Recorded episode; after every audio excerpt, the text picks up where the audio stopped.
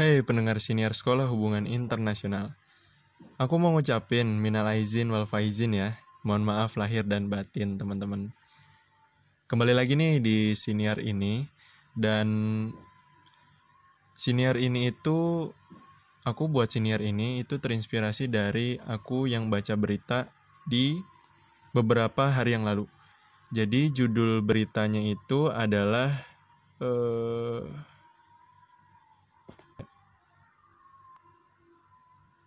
Aduh bentar ya loading.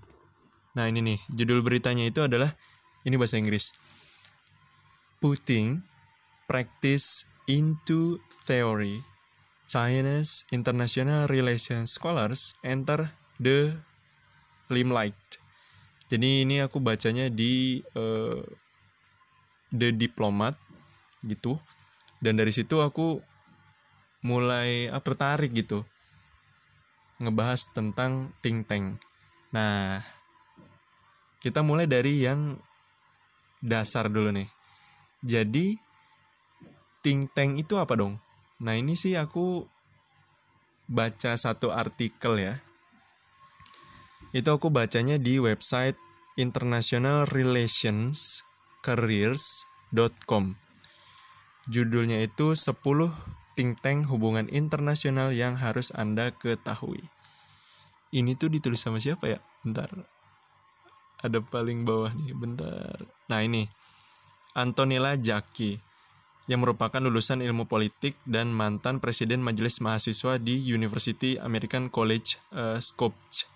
Setelah lulus dengan gelar magna cum, laude dalam hubungan internasional dan diplomasi, Antonella menghususkan diri dalam politik Balkan dan Timur Tengah, pembangunan berkelanjutan dan organisasi internasional.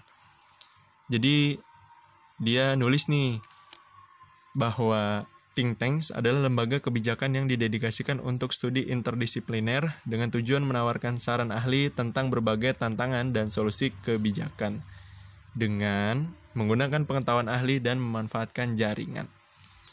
Terus think tank ini itu menyediakan publikasi, laporan, dan bahkan mengusulkan undang-undang tentang kebijakan tertentu atau masalah sosial. Pemerintah, industri, outlet berita, individu, gerakan sosial, dan kelompok kepentingan lainnya kemudian dapat memanfaatkan alat ini untuk mendukung tujuan mereka. Jadi, berikut adalah beberapa think tank hubungan internasional yang paling terkenal. Uh, untuk yang pertama itu ada Institut Bumi. Nah, tujuan yang dinyatakan adalah untuk mengidentifikasi masalah signifikan yang dihadapi dunia dan penduduknya dengan penekanan pada pembangunan berkelanjutan. Terus yang kedua itu ada yang namanya Friedrich Ebert Stiftung yang merupakan yayasan Friedrich Ebert adalah lembaga partai politik Jerman yang berafiliasi dengan tetapi terpisah dari Partai Sosial Demokrat Jerman. Jadi yayasan ini memiliki fasilitas dan kegiatan di lebih dari 100 negara tetapi berbasis di Bonn dan Berlin. Ini adalah organisasi tertua di Jerman yang didedikasikan untuk mendukung demokrasi, kesadaran politik, dan siswa yang dengan kualitas intelektual dan perilaku yang luar biasa. Lalu kita punya di urutan ketiga itu ada yang namanya Yayasan uh, Warisan atau Heritage Foundation yang merupakan lembaga pemikir konservatif yang berbasis di Washington DC, yang berfokus kepada kebijakan publik. Jadi Heritage Foundation ini telah mempromosikan ide-ide pasar bebas, pemerintahan yang terba eh, terbatas, kebebasan individu, prinsip-prinsip tradisional Amerika, dan militer yang kuat selama hampir 50 tahun.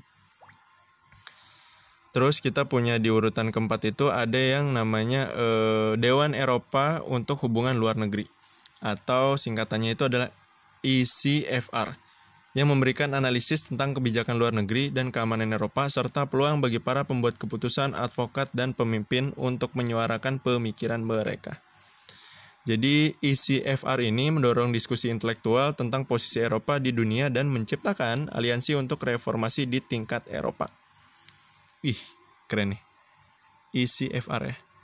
Oke, sekarang kita diurutkan diurutan ke satu dua tiga empat sekarang yang kelima jadi ada yang namanya Human Rights Watch yang merupakan organisasi non-pemerintah di seluruh dunia yang berbasis di New York yang melakukan penyelidikan dan aktivisme hak asasi manusia. Sekarang kita masuk ke yang keenam itu ada yang namanya Council on Foreign Relations atau CFR. Nah ini pasti nggak asing nih. Didirikan pada tahun 1921 dan merupakan organisasi keanggotaan think tank dan penerbit yang independen dan non-partisan. Jadi mereka itu juga punya masalah, uh, punya masalah, punya majalah gitu. Namanya itu Foreign Issues yang merupakan sebuah majalah tentang hubungan internasional diterbitkan oleh CFR. Ini keren nih CFR nih. Aku beberapa kali juga suka baca di sini gitu. Sekarang itu ke yang berapa sih? Uh, ngitung lagi kan satu, dua, tiga, empat, lima, enam. Oke sekarang yang ketujuh. Ada yang namanya Cato Institute. Cato, Cato Institute. Yang berbasis di Washington DC adalah sebuah wadah pemikir harian Amerika. Cato Institute didirikan dengan tujuan advokasi publik, liputan media, dan dampak sosial dalam pikiran. Jadi, ada kedengaran notifikasi ya. Oke lanjut. Jadi ideologi politik Cato Institute adalah libertarian, menganjurkan peran terbatas pemerintah dalam urusan domestik dan internasional serta perlindungan hak-hak sivil yang signifikan. Oke, sekarang ke yang selanjutnya itu ada Institut Hubungan Internasional Prancis atau Institut Français de Relations Internationales. Adalah sebuah think tank yang berkantor pusat di Paris, Prancis yang berfokus pada isu-isu internasional. Nah, oke. Okay sekarang kita lanjut ke ada yang namanya Horasis. Jadi Horasis adalah lembaga pemikir internasional nirlaba yang berbasis di Zurich, Swiss. Jadi lembaga ini berkomitmen untuk inovasi dan pengembangan pasar berkembang yang berkelanjutan. Selanjutnya, ada yang namanya Pusat Penelitian Teluk atau GRC yang merupakan lembaga pendidikan non-partisan dibiayai swasta dan lembaga pemikir konsultasi yang berfokus pada Teluk Persia. Uh, terus yang terakhir juga mungkin ya ada yang namanya CSIS ya. Itu basisnya di mana ya? Di Amerika juga kali ya kalau nggak salah. Uh, correct me if I'm wrong gitu.